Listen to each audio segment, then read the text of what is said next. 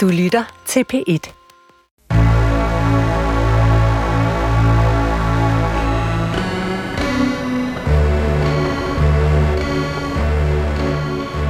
Du har ringet til Hemmeligheder på P1. Tak for din hemmelighed. Vi lover at passe godt på den. Jeg siger alle, at øh, jeg selv bager, men øh, alt jeg bager, det er shake and bake. Velkommen til Hemmeligheder. Mit navn er Sanne Sigal Ben Moyal, og jeg har netop afspillet den første hemmelighed for den telefonsvar, I altid ringer til. Alt I skal gøre er ringe på 28 54 4000, og så kan I aflevere jeres hemmelighed, og den kan blive vores. I kan også skrive en besked, og så kan vi gøre jeres tekst til lyd. Og når I så lytter igen, for det gør I jo nogle gange, når I ringer ind, så griner I faktisk altid lidt. I griner af det, I selv siger. Også selvom at hemmeligheden har været meget tung eller meget alvorlig, så griner I. Og jeg tror, det er, fordi det altid er lidt grænseoverskridende at høre, hvad man selv siger. Og så måske også nogle gange, fordi I faktisk har glemt dele af den hemmelighed, I har indtalt. Og det er jo det, der er med den telefonsvar. Den er sådan lidt en underlig størrelse. Fordi den giver jo ikke særlig meget igen. Men til gengæld kan den noget, og det er, at den er altid åben. I dag skal vi tale om hemmeligheder, og øh, til det har jeg inviteret til rettelægger og influencer, Nikita Klæstrup. Velkommen til programmet. Mange tak. Jeg forestiller mig, at mange tror, at de ved ret meget om dig, fordi du jo tit dokumenterer dit liv, og du har været med i programmer, hvor man har set meget øh, til dig. Øhm, men hvordan er dit forhold egentlig til sådan hemmeligheder? Jeg tror faktisk, jeg er en person, der har enormt få hemmeligheder. Ikke fordi jeg deler alt. Jeg føler faktisk, at jeg er en af de mere private influencers. Øhm, jeg er jo for, for eksempel meget stolt af, at jeg har aldrig lagt en øh, grædestory op på Instagram, kun hvis jeg ser Game of Thrones og en af dragerne dør. Så tuder jeg på min Instagram-story. Men jeg er ikke sådan, lægger video op af, at jeg græder, jeg har haft en pisse hård dag, nu skal I høre alt, hvad der er galt. Jeg er sådan meget mere privat end det. Men jeg har egentlig ikke mange hemmeligheder. Jeg har ikke sådan noget, jeg går rundt med helt for mig selv og tænker, gud, det kan jeg ikke dele med nogen. Sådan, alt om mig føler jeg, at dem, der sådan er tættest på mig, ved. Du er ikke sådan en, der sidder her i den her stol og tænker, den her hemmelighed går jeg ikke graven med. Nej, jeg havde faktisk svært ved at finde en ordentlig hemmelighed til det her. Også fordi igen, der var noget, hvor jeg var sådan, ja, ja, det her er måske en hemmelighed for øh, alle mine følgere, for den bredere befolkning, som ikke kender mig, men sådan alle i min omgangskreds ved det her, så hvor meget er det egentlig en hemmelighed? Jeg tænker, når man har sådan en rolle som influencer, hvor man jo øh, deler noget og holder noget andet, noget andet privat, hvorfor er det så vigtigt for dig, at noget rent faktisk er privat, og ikke øh, ude i den bredere offentlighed? Jeg tror, der er flere aspekter i det. Jeg tror sådan for eksempel, jeg kunne aldrig finde på at gå ud og sige, nu er jeg blevet uvenner med den her veninde, jeg synes, hun er forfærdelig, fordi så føler jeg, at selv hvis jeg ikke gør det ved navn, så vil jeg hænge en anden ud. Så ligesom, altså som jeg ser hemmeligheder, så er der sådan tre forskellige slags hemmeligheder. Der er dem, man bare holder for andre, som er sådan, min veninde fortæller mig et eller andet vanvittigt, hun har gjort, og så er det sådan, oh, det kan jeg ikke sige videre, jeg holder den her hemmelighed for dig. Så er det de hemmeligheder, man har med andre, hvad det er et uvenskab, eller man har slået en ihjel sammen, kunne være. Og så er det sådan, okay, den Tænk kan jeg ikke dele. Ja, tænk et eksempel. Helt hypotetisk. Og så er det sådan, okay, det her kan jeg ikke dele, fordi det er faktisk ikke kun min hemmelighed. Det er en, vi holder på sammen. Og så er der de der hemmeligheder, hvor det er sådan, oh, okay, det her er min hemmelighed. For eksempel, øh, da jeg var barn, synes jeg, at remoulade på lever på steg var lækkert. Det er noget, jeg deler ud af nu, fordi jeg er kommet videre. Hvis jeg stadig spiste remoulade på lever på steg, vil jeg nok tige stille med det. Fordi du tænker, at det er alligevel det er forbundet med noget øh, skamfuldt, fordi i den brede offentlighed, der vil remoulade på leverpostej simpelthen være ulækkert. Præcis. Ja. Så jeg kan dele det nu, fordi at jeg er meget stolt af at have været et klamt barn, men jeg har ikke lyst til at blive set som en klam voksen. Vi tager en hemmelighed, og så har vi øh, lytteren med på øh, telefon. Øh, hej hemmeligheder. Øhm, jeg har faktisk haft indkodet jeres nummer, fordi øh, øh, jeg vidste, at jeg gerne ville indsende en hemmelighed, men øh, jeg har bare ikke vidst hvilken. Øh, og nu sad jeg så lige og lyttede til et andet program og kom i tanke om en, en ret stor hemmelighed, jeg har. Og det er, at, øh, at jeg er en tryghedsknipper. Øh, altså, jeg har været sammen med min venindes eks, efter de ikke længere var sammen, fordi han var tryg, øh, og jeg har været sammen med en anden venindes bror øh, igen, fordi han var tryg. Øh, og så har jeg også været øh, sammen med en, en nabo, Og det med naboen, det er der en del, der ved. Øh, men de andre, det er noget, jeg har holdt hemmeligt i overvis. Øh, og jeg tror ikke, der er nogen, der ved det udover, udover mig og dem, jeg var sammen med. Øh, ja, det var bare det. Velkommen til programmet. Tak. Jeg er nødt til at starte der, hvor at den her hemmelighed virkelig får mit sådan fulde fokus, og det er ved ordet tryghedsknipper. ja. Det er jo et fuldstændig vidunderligt ord, som jeg har prøvet at se, om sådan ligesom er konstitueret. Altså, er det her egentlig et ord, eller er det noget, du har fundet på? Og jeg tror faktisk, at det er noget, du har fundet på, og det synes jeg i sig selv altså er legendarisk. Ja, Jamen, det er også noget, jeg har fundet på i situationen. Altså, da du ringer herind? Ja, det, det tror jeg. Altså, jeg, jeg, vil, jeg prøvede at finde et øh, dækkende ord i mellemtiden, jeg talte, og så, og så dukkede det op øh, inde i mig. -agtigt. Men det giver jo mening. Altså, en, nu siger du en tryghedsknipper, så kunne man jo passende spørge, hvad er tryghed for dig? Ja, altså det har, det har jeg faktisk tænkt meget over, siden at jeg indtalte beskeden, øh, og også op til at jeg indtalte beskeden. Øh, fordi at, øh, at det er jo interessant. Det jeg egentlig mener i den her sammenhæng, er, at øh, der ikke har været noget farligt ved dem, jeg ligesom har, har indgået mit knipperi med. altså det har været trygt på den måde, at, at der ikke har været nogen udsigter til, at vi skulle være kærester, eller at det skulle føre til et forhold. Øh, og jeg har kendt dem på forhånd. Så der, på den måde. Men, men det er jo ikke den der øh, tryghed, som man ellers kunne have et forhold, for eksempel. Altså, det er en helt anden slags tryghed, for der er ligesom ikke... Det er nok fordi, der ikke er noget sårbarhed på spil på samme måde, som hvis det var en, man reelt var interesseret i. Så det er sådan en lille værn mod følelser med, jeg ved, jeg vil aldrig kunne få følelser for dig, så derfor kan du aldrig såre mig. Mm, ja, måske. Eller ja, en form for kontrolagtig. Ja. Så man kan sige, hvis man går rundt derude og øh, er single, og måske bevidst eller ubevidst faktisk ligesom kan kategorisere. Altså det kan godt være, at det slet ikke er noget, man er bevidst om, men nogen virker, nu siger jeg farlige situationstegn, og nogen virker mere trygge. Så er du ligesom bevidst eller ubevidst gået efter der, hvor du tænker, her kan jeg ikke blive såret. Altså, altså, det har været ubevidst, at jeg er gået efter dem, og jeg, det har også været lidt skamfuldt for mig, for jeg synes jo egentlig ikke, jeg er en meget ærlig og, og lojal person generelt. Og det er ikke, fordi jeg har løjet om de her ting, men jeg har bare holdt det hemmeligt. Øh, og, og jeg tror, at det kunne sove nogle personer, hvis de vidste. Du siger noget essentielt. Du siger, at du ser dig selv som et meget øh, lojalt menneske. Ja. Altså, at du er en lojal, forestiller jeg, øh, veninde, og at du synes, det er skamfuldt. Altså, så man kunne også måske spørge, hvad er forskellen på naboen og på venindens eks og bror? Uh, altså, hvorfor er det ene ja. en hemmelighed, og det andet er ikke en hemmelighed? Ja, altså det tror jeg måske er, fordi at der er jo ikke nogen, der kan blive såret i den sammenhæng. Ikke fra mit, min side i hvert fald. Og at, øh, altså, han var også lidt anderledes end, end de to andre, fordi han var sådan interesseret i, der var lidt på spil. Men det var stadig trygt, fordi jeg vidste, at han kendte mig og havde set mig og var tiltrukket. At, altså, det der er med Tinder og alle sådan nogle ting, det er jo, man, så møder man op, og man ved ikke, om folk reelt er interesseret i, i en på den måde. Hvor at, øh, øh, det, de har til fælles, det er, at de alle sammen har set min krop, de har set mig, de har oplevet, hvordan jeg er, og gerne vil det.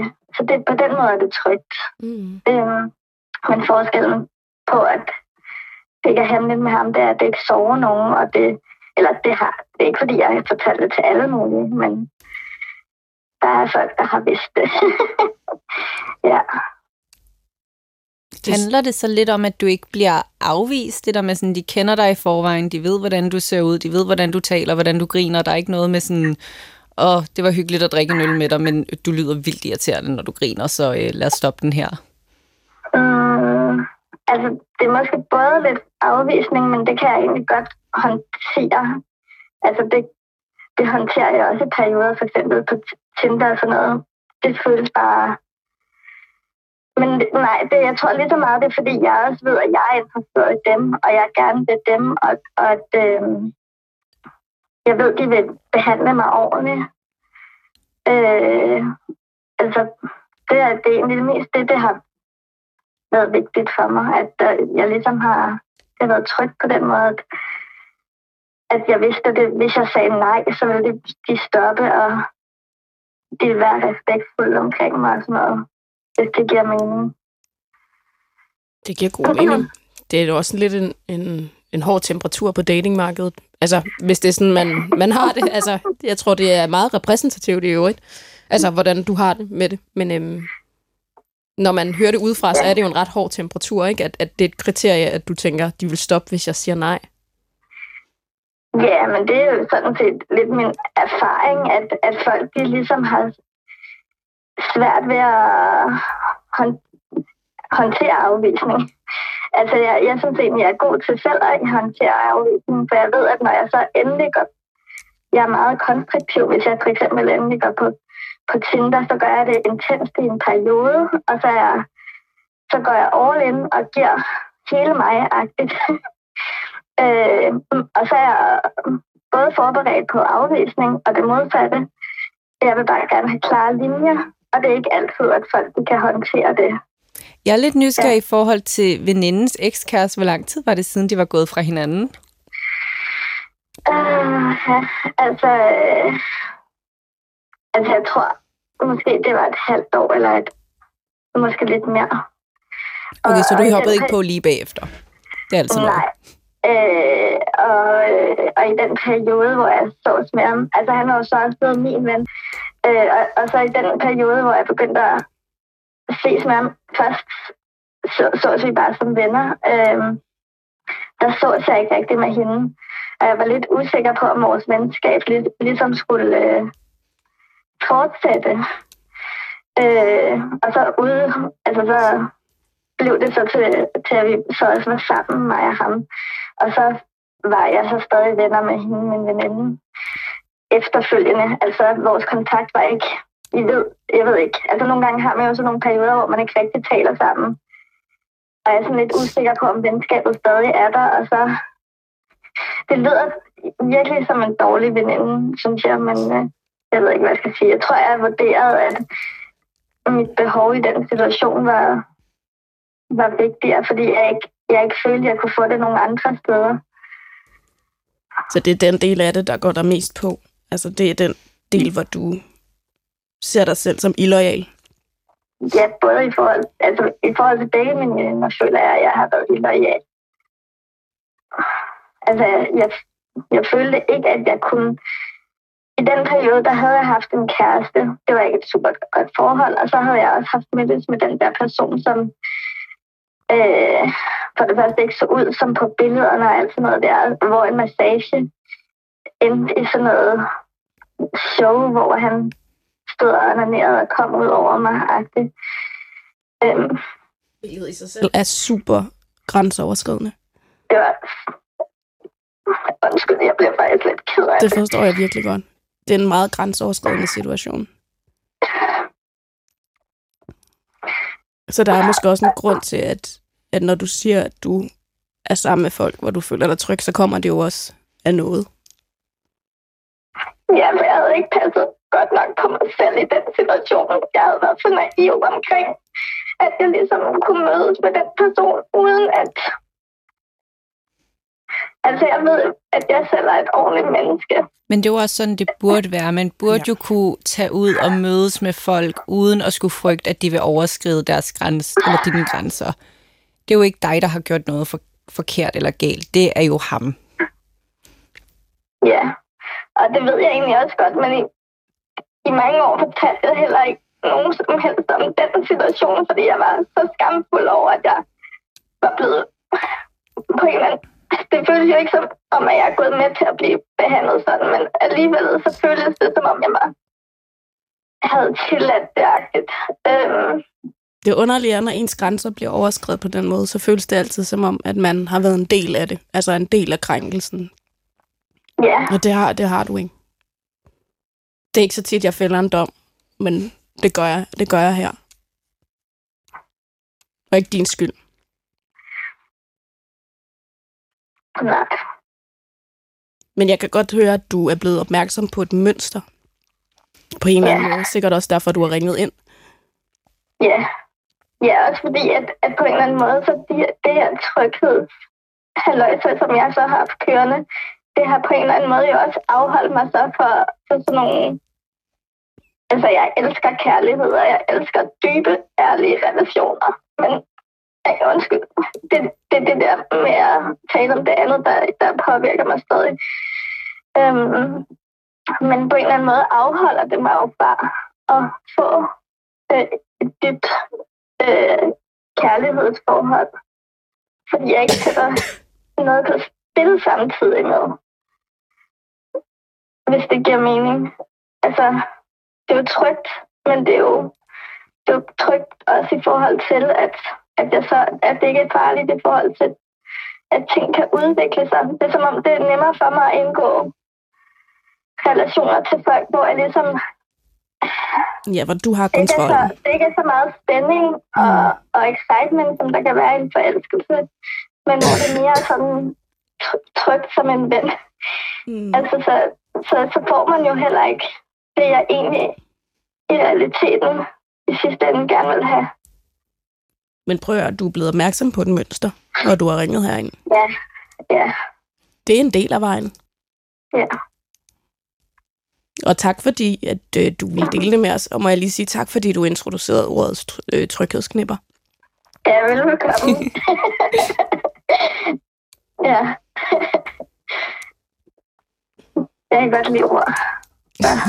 Det kan vi også godt. Og tak for at, at ville tale med mig. Det sætter jeg virkelig pris på. Det var...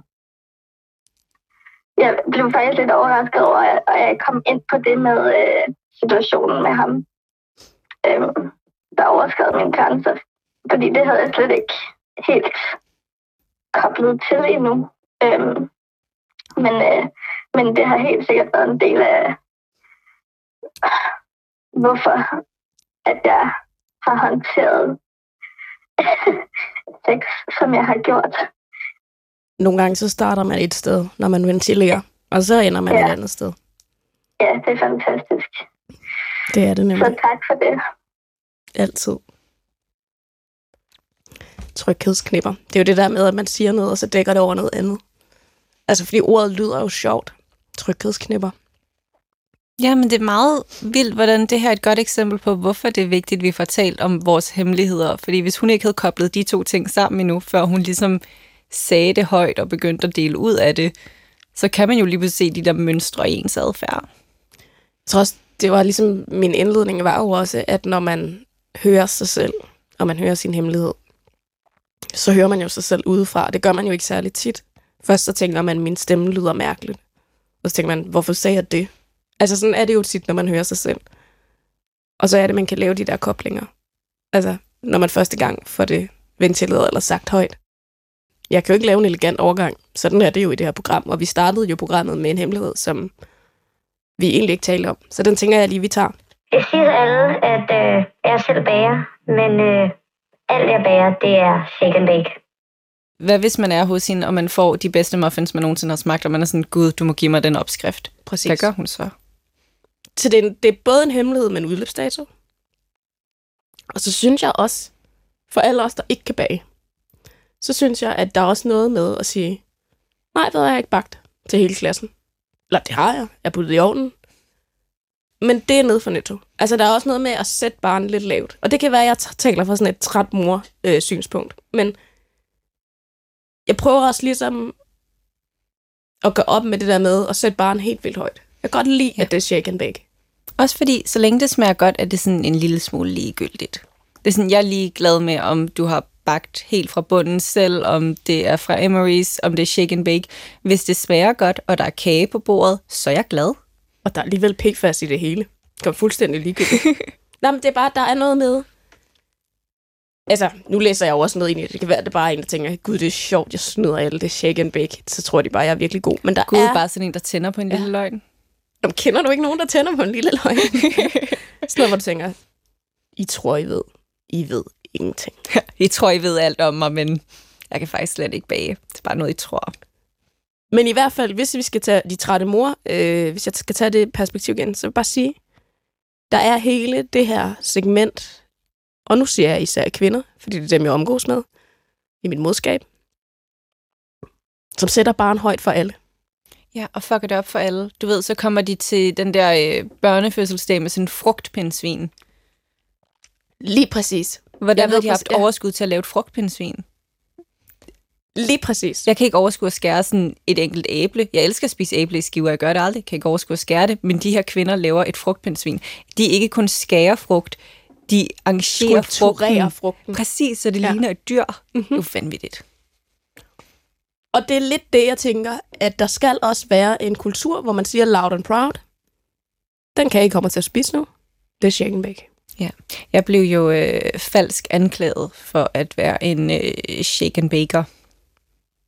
Den tror jeg kræver lidt, at du uddyber. Jeg havde inviteret til min fødselsdag sidste år. Øh, jeg havde bagt chokoladekage. Og alle mine venner, de var sådan, har du virkelig selv bagt den? Og jeg var sådan, ja. Og de var sådan, Nikita, vi har kendt dig i så mange år, vi har aldrig set dig bage. Og jeg var sådan, jeg bager udelukkende på et tidspunkt, og det er, når jeg er virkelig, virkelig forelsket. Når jeg er forelsket, får jeg så meget lyst til at bage. Sådan, hvis jeg stopper med at bage i et forhold, kæmpe red flag, et eller andet er galt, der skal noget romantik tilbage i forholdet. Så jeg var sådan, jeg er i et nyt forhold, jeg bager vildt meget, det kommer I til at nyde godt af nu. Det er et sjovt mønster. Altså, apropos, vi lige har prøvet at kortlægge mønstre, så er det jo et meget interessant mønster. Ja, jeg ser mig selv meget som, du ved, sådan boss bitch, feminist, girl boss. Men lige så snart jeg bliver forelsket, så er det bare sådan, åh, kan jeg ikke bare have en nederdel på at bage hele dagen? Altså, så bliver du sådan lidt øh, havsfrag. Ja, så er jeg meget sådan, okay, nu leger vi lige i 1950'erne. Sådan i lørdag, så min kæreste var faldet i søvn på sofaen, imens jeg lavede lasagne, og jeg synes, det var det hyggeligste i hele verden. Sådan, oh, look at us, play pretend 1950s. Det er ikke engang en hemmelighed. Gud, det kunne have været min hemmelighed. Men jeg synes, den er, den er smuk. Vi tager en, øhm, en hemmelighed mere. Da jeg var 17 år, og min storebror var 20, var vi i byen en aften og blev meget, meget fulde. Jeg skulle sove hjemme hos min storebror, og vi endte med at have sex. Nej! Vi kommer fra et trygt og almindeligt hjem. Vi har aldrig talt om det siden, og vi har begge familier og børn i dag, og er begge i 40'erne. Vi har øh, et godt forhold og hjælper hinanden, når ting er svære. Det er en hemmelighed, som jeg tager med mig i graven, men det her forum har givet mig en mulighed for at få den ud. Jeg håber, at I vil lade være med at dømme mig. Tak for et fantastisk program. Det der, det er jo en af de hemmeligheder, som jeg indledningsvis spurgte dig. Har du en hemmelighed, du går i graven med? Og det er jo en af de hemmeligheder, man ikke, altså, man ikke kan dele, fordi for det første involverer den jo andre og andre menneskers liv. I familien er det jo mange menneskers liv. Og så fordi den, den her hemmelighed måske vil have ja, uoverstigelige altså, konsekvenser, og så også som hemmelighedslytteren siger til sidst, jeg håber, I ikke vil dømme mig. Det er lidt sådan en hemmelighed, hvor hvis ens veninde kommer og siger det, så man har ikke lyst til at være dømmende, men det vil nok lidt ændre, hvordan man så hende. Det, her, det er en hemmelighed, der kunne være et før og et efter på. Fordi jeg tror, vi begge to i studiet tænker, hvorfor skulle vi dømme dig? Altså, hvor- hvorfor skulle vi det? Men det er klart, at det er en hemmelighed, når man hører den, så har den en, en effekt. Ja, man bliver meget overrasket. Men det er jo fordi, at altså, sex mellem søskende er et tabu. Gud, det er en vild hemmelighed. Og jeg forestiller mig, nu har vi på et tidspunkt øh, på Hemmeligheder, som er et program, som I engang kommer til at lytte til, haft en hjerneforsker inden og tale om hemmeligheder. Og det han siger i korte træk, det er, at det er stressende at bære på hemmeligheder. Altså især de der tunge hemmeligheder, som du ikke kan dele, er meget stressende. Altså for din hjerne at bære Jeg tænker rundt. også en hemmelighed som den, som man på en eller anden måde hele tiden bliver konfronteret med. Det er ikke fordi, man bare sådan skærer den anden person ud af sit liv, og man er sådan, åh, okay, vi slår en mand ihjel sammen, men det er fint, vi går hver vores vej, jeg ser dig aldrig igen, og så kan jeg glemme det. Det er sådan hver jul, at det er sådan, åh, vi husker begge to det her. Vi nævner det ikke, men vi husker det. De er i 40'erne. De kan have stiftet familier. Det har de jo nok højst sandsynligt i hvert fald. En af dem. Det er en hemmelighed, som du ikke, ja, som du ikke kan undgå. Fordi nogle af de der store hemmeligheder, der forestiller jeg mig også, at man bare skal have en stor luns af sit liv ud og er villig til at give den op, fordi man ikke kan holde ud og blive konfronteret med den. Men det, der også er interessant her, det er jo, er det i virkeligheden en dårlig hemmelighed? Altså, det er en hemmelighed, der ikke kan siges, men er der smerte i den? Det kan jeg faktisk ikke fornemme. Og det ville jo egentlig være godt, hvis der ikke var. Altså, fordi det ville være et lettere liv, hvis det var, en, altså, ikke var smertefuldt. Og jeg kan ikke høre øh, smerten umiddelbart. Jeg kan høre, at det er hårdt at holde på hemmeligheden. Mm. Hvilket jeg virkelig godt forstår. Og som hjerneforskere siger, så er det faktisk hårdt at holde på hemmeligheder. Og derfor er det også godt at ventilere dem. Og, øhm, og man kan netop ventilere den her, uden at det koster noget. Den her person kan leve det samme liv, før og efter. Hvor det er ikke sikkert, du kan det, hvis du, øh, hvis du serverer den for, øh, for en tæt veninde eller, eller et familiemedlem. Ja, nu er det kommet ud på en måde, hvor man på ingen måde bliver konfronteret med det. Man har bare ligesom fået lov til at sige det, få det ud af sit system. Så altså, værsgo, således.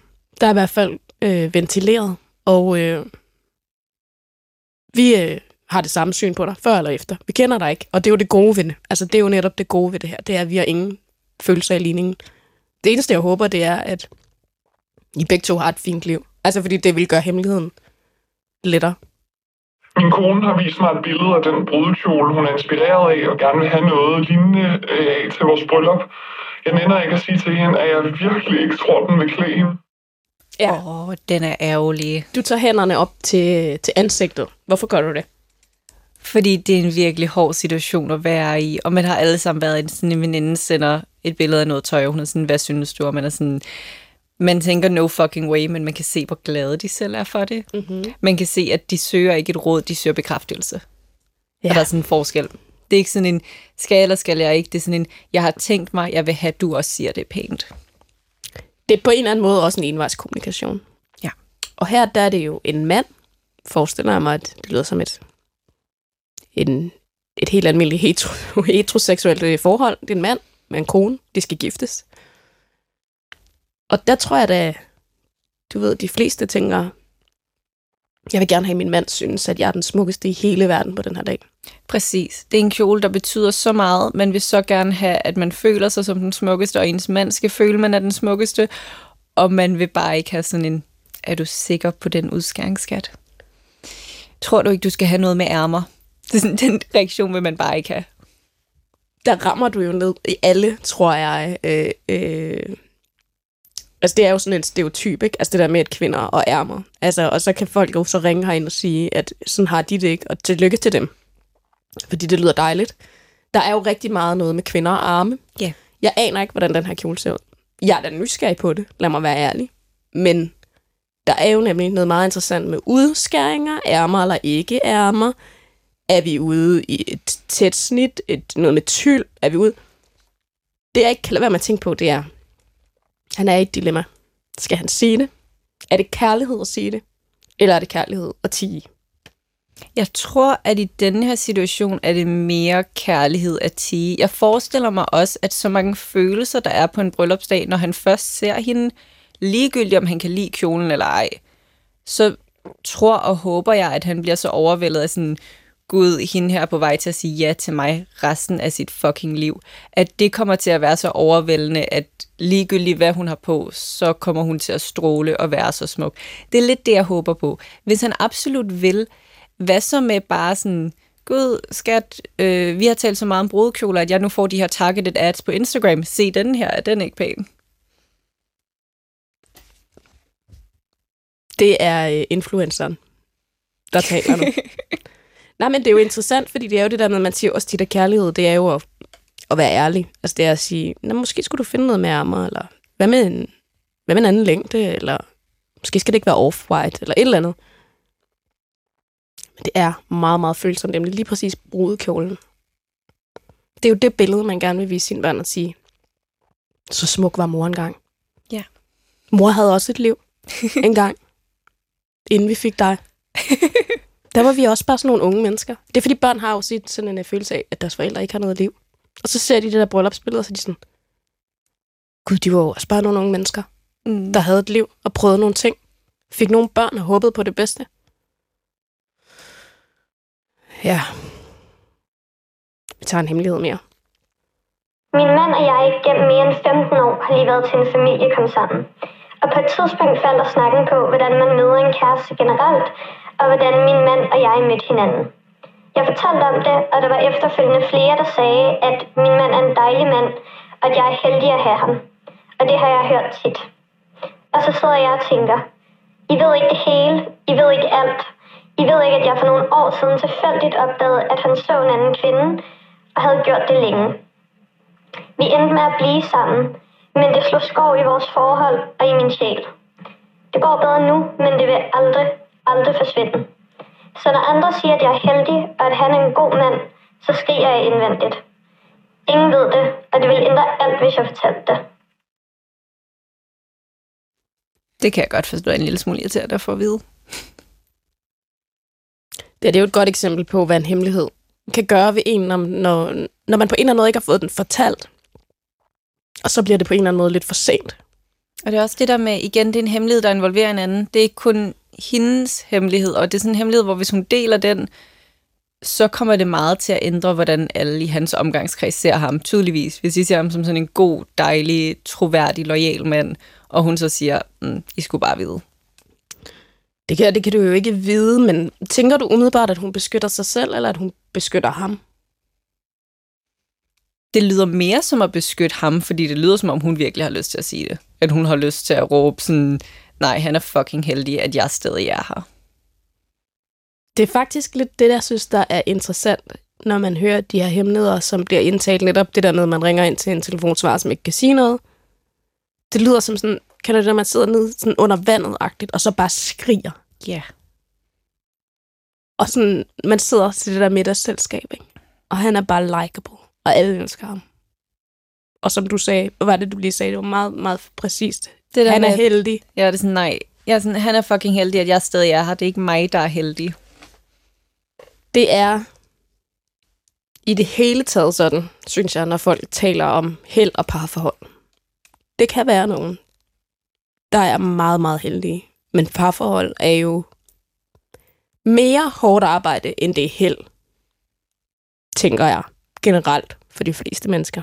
Man Ja. kan være heldig, at man har mødt nogen på en bestemt måde, eller der har været en timing, der er opstået, øh, som passede perfekt ind i ens liv. Men jeg mener forholdet, altså parforholdet, når vi er udover, at du har bagt i et halvt år og været forelsket, så er det jo mere et hårdt arbejde, end det er held, umiddelbart. Ja, det er det der med sådan, ser du kærlighed som en følelse eller som et valg?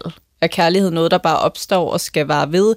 Eller er det sådan, okay, jeg står op hver dag, og jeg vælger at elske dig, og jeg vælger at blive ved med at elske dig, selvom du ingen, endnu engang ikke har slået toiletbrættet ned, så vælger jeg at elske dig.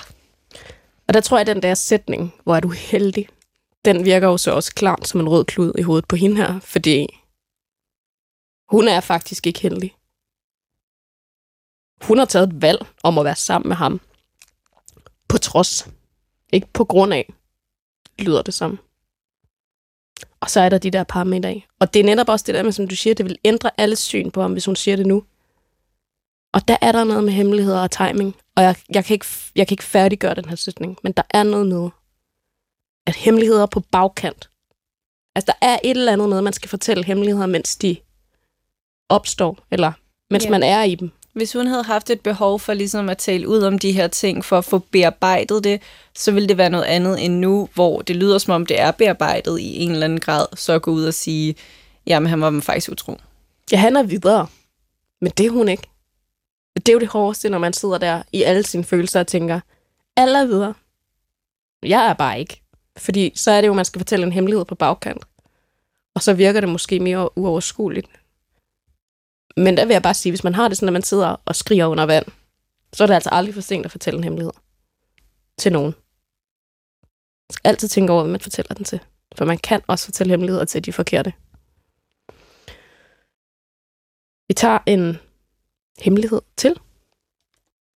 Jeg ringer ind for at fortælle min hemmelighed. Det er en af de lidt mindre, øhm, og det er super mærkeligt at stå og sige, men jeg har den vane, vil jeg næsten kalde det, at jeg rigtig, rigtig tit, når jeg er ude og gå tur, så øhm, går jeg med mine høretelefoner, ligesom nu. Jeg, jeg håber, I kan høre mig. Og øh, så er det tit, at imens jeg har telefonen i lommen, så lader jeg som om, jeg taler i telefon med nogen. Og øh, det er simpelthen noget, der kan ske flere gange om dagen, hvis jeg går og er ude. Og øh, også hvis jeg for eksempel går forbi nogen, jeg kender, så sker det. Det kender alle jo. Ja, lige sådan, man skal undgå nogen, så er det sådan, åh oh, ja, man taler faktisk i telefonen, så kan jeg se dig. Ja, jeg er lige ses. Det er en klassiker. Ja. Jeg føler, det er en offentlig, sådan, hvad hedder sådan en kollektiv hemmelighed. Ja. Jeg vil sige, jeg har aldrig gjort det der med at lade, som om jeg taler i telefon. Men hvis jeg for eksempel går et sted og lige pludselig indser, åh, jeg skulle have drejet dernede, jeg er gået for langt, så øh, tager jeg min telefon op, som om jeg lige har fået en besked, og så er det sådan, åh, jeg har fået en besked, bliver nødt til at vende om, i stedet for bare at vende om, hvilket er så dumt. Og så er der jo det der med at tale i telefon om aftenen som kvinde. Fordi man lader som om, at der er nogen i den anden ende, der vil vide, hvor man var, hvis man nu mødte, jeg siger bare en mand, i en gyde. Så er det, man, altså, så er det igen det der, så er det signalet om at vise, jeg er faktisk på telefonen. Præcis. Der er nogen, der vil høre, hvis du kommer hen til mig, hvis du prøver på noget. Så, Så, er der må du lige råbe, havnevej 2. Der er nogle andre, der vil sådan sørge for, at der kommer nogen, der tjekker op på mig. Det er også vildt, at alle kvinder kender den. Jeg har faktisk aldrig gjort det. Nå, det er vildt. Ja. Jeg ved ikke helt, hvorfor. Jeg føler sådan, jeg har prøvet det der sådan, gå hjem fra byen alene, når det var lidt for mørkt. Men jeg tror faktisk aldrig, jeg har gjort det. Jeg havde en veninde, som gjorde det sådan rigtig, rigtig meget. Hun gjorde det sådan, det var en folkeskoleveninde, så vi gik i sådan anden, tredje klasse eller et eller andet, når vi var ude at gå. Og det var sådan broad daylight på Falster. Ja, og så øhm, går vi forbi en gruppe drenge, som er sådan lidt ældre end os, og hun tager sin telefon op, og sådan, jeg tror, hun taler i telefon med sin bror, og jeg var sådan, Nå, men øh, hvad vil han? Og hun var sådan, Nå, nej, det var bare fordi, jeg kan ikke så godt lide at gå øh, forbi folk, uden at t- sådan, tale i telefon med nogen, og jeg var sådan, det er rimelig lyst, vi går på en villavej, sådan alle er hjemme. Det kunne jo være, det er hende her. Altså, det, det, det, der er et sammenfald. Gud, det kunne være sjovt, hvis det var hende. Jeg tænker også, at det handler jo om noget andet for din veninde. Men det, men det ved jeg jo ikke. Altså, jeg tænker, der, det kan være lidt hårdt at passere nogen. Kender du ikke i den alder, kan det være hårdt at passere nogen? Fordi det er sådan noget med, er jeg populær nok til, at de siger hej? Skal vi interagere? Og ja, jeg havde sådan en lang periode, da jeg gik i skole, hvor sådan, jeg følte, at jeg nærmest holdt vejret, når jeg gik forbi folk. Fordi, Jeg ved det ikke, bare fordi sådan, jeg tror, jeg var bange for, hvad hvis min vejrtrækning er underlig. det er interessant. Ja, virkelig meget sådan pre-teen, teenage angst. Sådan trækker jeg vejret underligt. Det er utroligt, hvad man kan være usikker omkring sådan ens vejrtrækning. Ja, sådan en... Der, der hvor man går fra barn til ja, sådan noget præ-teen, hvor man har været ligeglad med alting og spist, hvad var det, du sagde, løbsteg med remoulade på. Præcis. Og så lige pludselig, så får man den der bevidsthed, der gør, at du lige pludselig ikke tænkt. Altså, er det et tænkt eksempel, eller tænkte du, ej, jeg trækker vejret underligt? Tænk, hvis jeg trækker vejret underligt? Jamen, jeg kan huske, jeg holdt vejret. Jeg kan ikke helt præcis huske, hvorfor. Jeg tror, det var sådan en, hvad hvis, øh, hvad hvis jeg lyder forpustet, når jeg bare går? Det ville jo være pinligt. Og det er så dumt, det er kontraproduktivt, fordi når du så endelig trækker vejret igen, så er du virkelig forpustet, fordi du har lige holdt vejret uden grund overhovedet. Det er en vild usikkerhed. Altså, også fordi jeg forstår, jeg tror, alle teenager og præ-teens har de der fuldstændig vanvittige usikkerheder, der gør, at forældrene tit kan tænke, det mener du ikke. Ja, det er sådan, hvordan kan man være usikker over det? Hvis du har været usikker på, hvordan du trækker vejret, det er jo, altså, det er jo et godt eksempel, fordi man tænker, du, kan da ikke, du har da ikke været usikker på noget. Og hvordan kan man være usikker over vejrtrækning? Det Præcis. er vejrtrækning. Det er en vejrtrækning. Vi gør det alle sammen. Er du klar på en hemmelighed mere? Ja. Min hemmelighed er, at jeg har sagt, at jeg har tilgivet min veninde for at bolle med min kæreste, men i virkeligheden planlægger jeg den vildeste hævn. Altså, jeg lader som om, jeg har tilgivet min veninde for at have bollet med min kæreste, men i virkeligheden planlægger jeg den vildeste hævn. Jeg siger bare lige, øh, hendes stjernetegn er skorpion. Ja. Uden tvivl. Er dit stjernetegn skorpion? Det er det. We play the long game. Og hvad vil det sige? Det er sådan, hvis du ikke var skorpion, ville du bare sådan, altså nogen tilgiver, nogen bliver vrede. Men det er sådan meget skorpion, det der med sådan, jeg læner mig tilbage, jeg venter på det rigtige tidspunkt, og så slår jeg til, og det kommer til at gøre ondt. Hun er, hun er enten skorpion, eller så har hun, hun nogle meget stærke Scorpio placements i hendes chart. Og jeg vil så gerne vide, hvad den hævn er. Tænker du sådan, at det er ud fra devisen forgive but never forget? Ja, det er meget en skorpion ting, bortset fra, at vi heller ikke tilgiver. I benhårde? Skorpioner bærer næ. Men vi er også virkelig lojale, det er jo derfor, vi bærer næ. Fordi vi sådan, jeg vil aldrig gøre det mod dig. Hvis svigtet er for stort. Præcis, fordi vi selv er så lojale, så det, at andre ikke er det, kan vi slet ikke håndtere. Det, sådan, det virker helt off i vores hjerne. Sådan, hvordan kunne du gøre det? Det vil jeg aldrig have gjort. Og så planlægger vi hævn. Altså tænk meget over det der med hævn, fordi det får vi jo tit i, i indbakken, øhm, hævn. Og det er jo, sådan har det jo været de seneste par uger, har vi set ret meget hævn i popkulturen, for eksempel. Og sådan, det er blevet delt meget. At først var det Shakira, tror jeg, der lavede en sang om sin eks.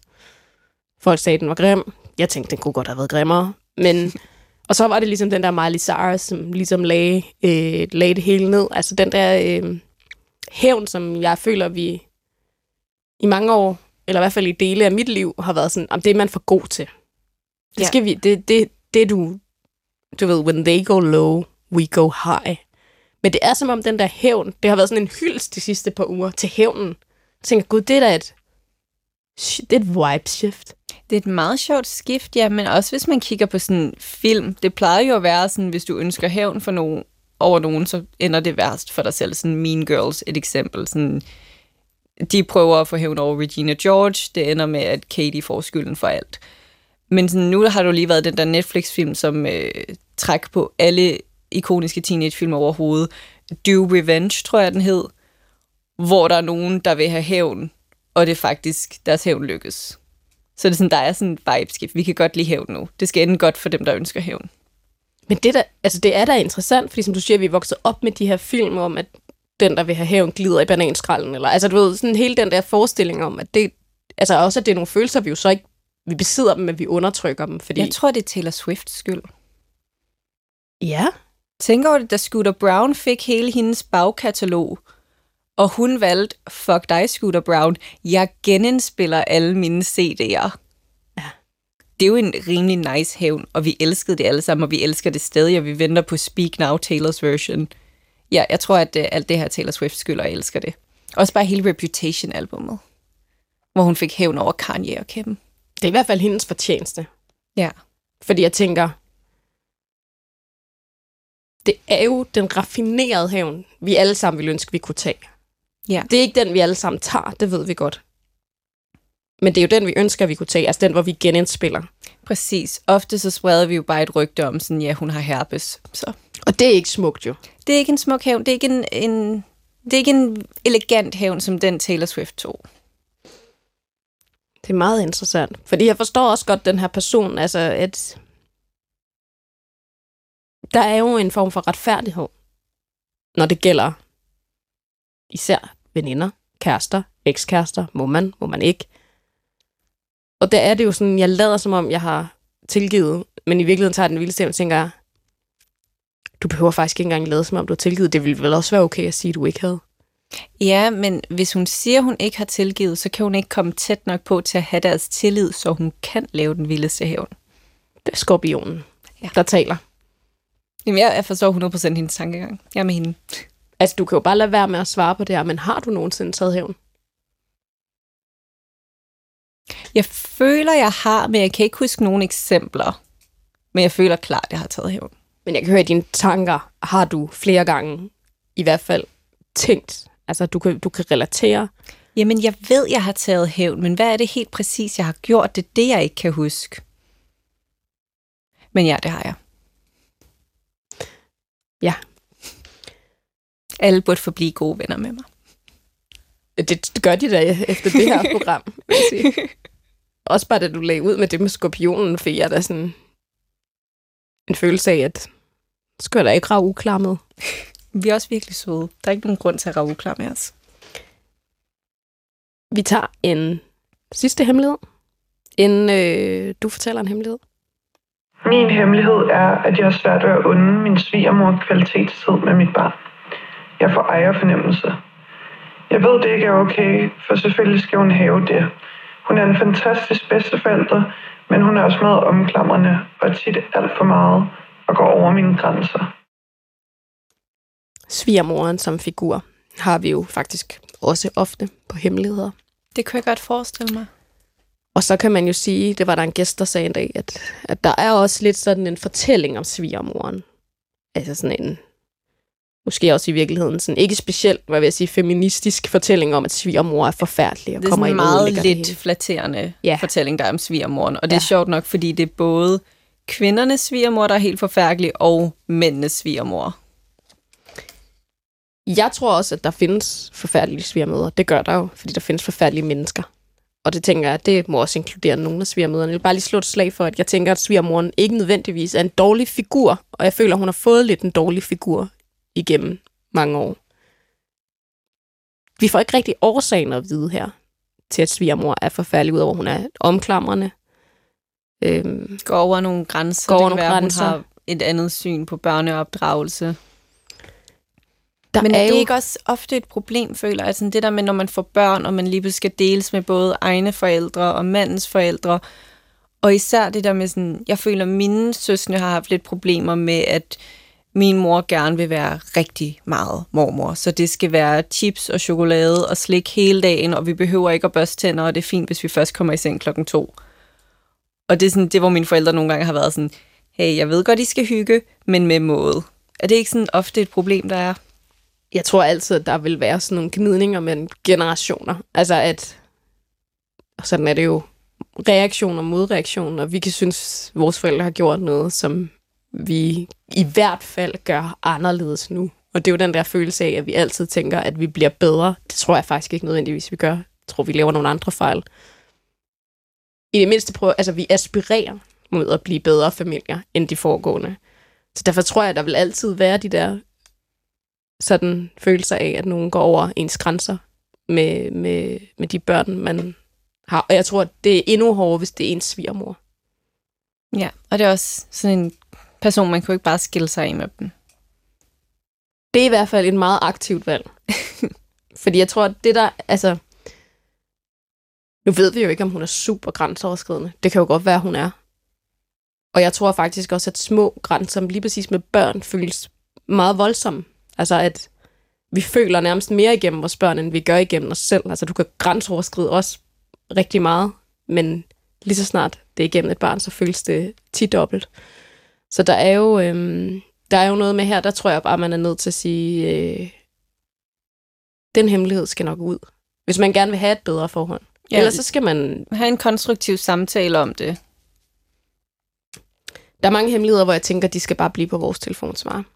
Men den her tænker jeg faktisk måske lige skal ud og arbejde. Det tror jeg måske er en god idé. Lige ud og, øhm, lige ud og arbejde lidt. Det kommer også an på, hvad man vil have. Vil man have sådan et forhold, hvor man ses til jul og påske og pinse, eller hvad det er, vi fejrer i det her land? Stor bededag fejrer vi ikke Åbenbart ikke. Så øh, kan det måske være lidt ligegyldigt. Så byder man det i sig, og så klarer man sig igennem den øh, påskefrokost. Ja, men hvis hun bor lige på den anden side af vejen, og har en idé om, hun skal komme over hver dag, så øh, skal man nok lige have samtalen. Og det er nok en god idé lige at have forventningsafstemt den derhjemme. Sådan at man ligesom øh, har en eller anden form for, for bagland. Ja, Som politikerne taler det om. med manden. Lige sådan, Lige- vi øh, danner fællesfront nu. Det her, det er noget, vi øh, er enige om. Fordi ellers så, for, så forudsiger jeg en ny splittelse. Og, og en ny hemmelighed. Og et nyt dilemma. Der er noget med fællesfront. Der er noget med fællesfront i sådan nogle hemmeligheder her. Vi er faktisk nået til et tidspunkt i programmet, hvor at du fortæller en hemmelighed, og jeg ved, at du faktisk ikke har været sikker på, hvilken hemmelighed du skal fortælle. Ja, fordi som sagt, jeg er ikke en person, der har mange hemmeligheder, og hvad end jeg deler, så er det også noget, hvor sådan, ja, det er måske en hemmelighed i form af, at jeg laver ikke et Instagram-post om det, men alle dem, der er nærmest mig, ved det. Og jeg har været lidt, skal jeg sige noget lollet, eller skal jeg komme med noget sådan lidt mere alvorligt? Og jeg føler, at jeg sådan under vores samtale har delt så mange lollede ting, at jeg godt bare kan sige noget alvorligt nu. Du har faktisk delt ret mange sjove ting. For eksempel det der med at bage, når du bliver forelsket, synes jeg er... Jeg ved ikke, om det er lollet, men det er virkelig et fun fact. Ja, det er faktisk heller noget, jeg ikke har delt. Øh, men jeg har simpelthen et nært familiemedlem, hvor vi lidt i fællesskab har valgt, vi skal bare ikke være omkring hinanden. Fordi jeg havde sådan en følelse af, sådan, at den her person altid tænkte det værste om mig. Jeg sad med sådan en følelse af, sådan, jeg kan ikke huske sidste gang, vi har haft en samtale, og jeg gik fra den og havde det bedre. Det bedste, jeg kan håbe på, det er at have det neutralt. Men jeg har det altid værre. Og så øh, vi havde en konflikt igen, hvor vi begge to bare var sådan, skal vi ikke bare sige, at vi måske ikke skal have noget med hinanden at gøre? Fordi jeg ved, jeg ikke kan lide dig. Jeg kan tydeligt mærke, at du ikke kan lide mig. Så hvad får vi ud af det her, bare fordi vi er familie? Men det var en samtale, I faktisk kunne have. Altså, den blev ikke haft... Vi havde den ikke på den mest modne måde, fordi det var under den her konflikt, men det var ligesom afsluttelsen, hvor det bare var sådan... Jeg tror, jeg skrev sådan noget med, at sådan, hey, før du finder ud af, hvad det er, jeg trigger inde i dig så meget, at du altid tænker det værste om mig, så synes jeg faktisk ikke, vi skal have en relation til hinanden, for jeg synes ikke, det er rart at være i. Og den person var så sådan, jamen jeg er enig, for jeg synes faktisk ikke, du er en rar person. Så det var sådan, genialt, så lad os bare call it quits here. Det, det tror jeg faktisk mange derude vil kunne relatere til. Jeg tror, at de fleste har taget samtalen, men kan genkende den der relation, hvor man faktisk synes, man, at man har det dårligt, at man bliver nærmest en værre version af sig selv. Præcis, og det er jo ikke rart at være omkring den slags mennesker. Jeg havde sådan en følelse af sådan, gud, hvis det her var en i min vennekreds, der havde opført sig sådan, og i over så lang tid, og som jeg konstant havde de her konflikter med, så ville jeg jo have skåret dem ud af mit liv for længst. Så hvorfor skal jeg lade den her person blive, så vi kan gøre hinanden ulykkelige, bare fordi vi er familie? Er det så ikke bedre, hvis vi bare siger, den her går ikke, det har været hyggeligt at kende dig, lad os tage den op igen om et par år og se, om vi er et andet sted. Har det så været sådan lidt et før og efter? Er det rare nu? Det er så meget rare nu. Ja, jeg er stor fortaler for, at sådan, man ikke behøver at være omkring folk og insistere på at have en relation med dem, bare fordi de er familie, hvis der ikke kommer noget godt ud af det. Også fordi det var jo på en eller anden måde en meget mutual følelse af sådan, du har det jo heller ikke fedt, når du taler med mig. Det er meget interessant, fordi jeg tror, at de fleste er meget bange for den konfrontation. Altså, at det er en konfrontation, jeg forestiller mig, der sidder der mange ude sådan helt på sådan det yderste af stolen og tænker, hvis jeg bare havde mod til at tage den samtale. Hvor tror du, du har haft ligesom mod til at sige, det her, det, det fylder mere for mig, end, end det skal, og nu... Jeg tror, noget, der hjælper for mig, det er, at hele min familie bor på Lolland Falster. Jeg er den eneste, der bor i København, så de er generelt langt væk. Jeg er ikke super tæt med meget af min familie til at starte med. Så det var det der med, skal vi blive ved med at have forseret samtaler, blive ved med at prøve at forsere et forhold, som ingen af os kan lide, og som egentlig ikke er super relevant, fordi det er ikke fordi, vi ser hinanden hver dag. Så hvis den person hørte det, du sagde her, så ville personen faktisk sige, det var faktisk godt? Ja, det føler jeg som sagt sådan, vi havde det jo ikke godt i hinandens selskab. Vi havde konstant konflikter. Øh, personen følte konstant, at jeg var en dårlig version af mig selv. Jeg følte konstant, at jeg blev set som skurken i den persons liv, hvilket kan være enormt trættende. Det er sådan, jeg havde lidt en følelse af sådan, kom nu, jeg kan ikke være roden til alt ondt i dit liv. Jeg er der ikke engang. Du kan ikke give mig skylden for de her ting. Så jeg tror egentlig, vi begge to er gladere nu, når vi er blevet enige om, vi behøver ikke at forsere et forhold. Vi behøver ikke at fake det, vi behøver ikke at lade som om, at vi har lyst til at ringe til hinanden. Det er nemmere, hvis vi bare siger, vi lader den ligge, måske kan vi tage den op igen om et par år, se om vi er et andet sted, hvor vi bedre kan håndtere hinanden, men lige nu er den der bare ikke. Vi taler tit om det der med, at familie er sådan, altså, det er den mest komplekse konstruktion. Fordi vi jo også netop tit hænger fast, ikke? fordi vi ikke synes, vi kan bryde med det, og hvad nu med de, hvad med far og mor, og hvad med onkel og tante, og hvad vil de sige, og alle de der sådan familiære øh, tråde, som bare virker sådan lidt, øh, altså sådan skåret i granit. Så sjovt at høre, at det er de faktisk ikke nødvendigvis. Nej, man kan godt bare sige, vi behøver ikke... Jeg synes, en rigtig god test for mig, det var det der med at sige, okay, hvis det var nogen som helst i min vennekreds, der havde opført sig sådan, der gav mig den her følelse så konsekvent, vil jeg så stadig have dem i mit liv? Det vil jeg ikke. Også bare den der sådan, jeg fik jo flere af de der, ej, men det er familie, det er sådan, ja, hvad hvis det ikke var? Hvad hvis det bare var en ven eller en veninde? Vil du så også sige, ej, det kan du ikke gøre, giv dem en chance, I kendt hinanden så længe. Nej, så vil man være sådan, gud, hvor er det godt, at du får den her person ud af dit liv, fordi de gør tydeligvis ikke noget godt for dig, du gør ikke noget godt for dem. Det er sådan, du eliminerer dine hemmeligheder i dit liv jo faktisk. Det vil jeg, det vil jeg sige det, kan jeg høre. Sandt. Tusind tak, fordi du var, øh, du var med til at facilitere andre menneskers hemmeligheder, og tak fordi du delte en hemmelighed selv. Tak fordi jeg måtte være med. Og tak fordi I lytter med derude.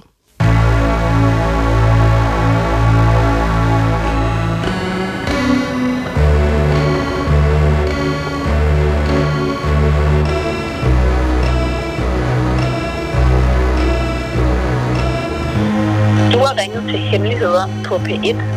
Tak for din hemmelighed. Vi lover at passe godt på den. Gå på opdagelse i alle DR's podcast og radioprogrammer. I appen DR Lyd.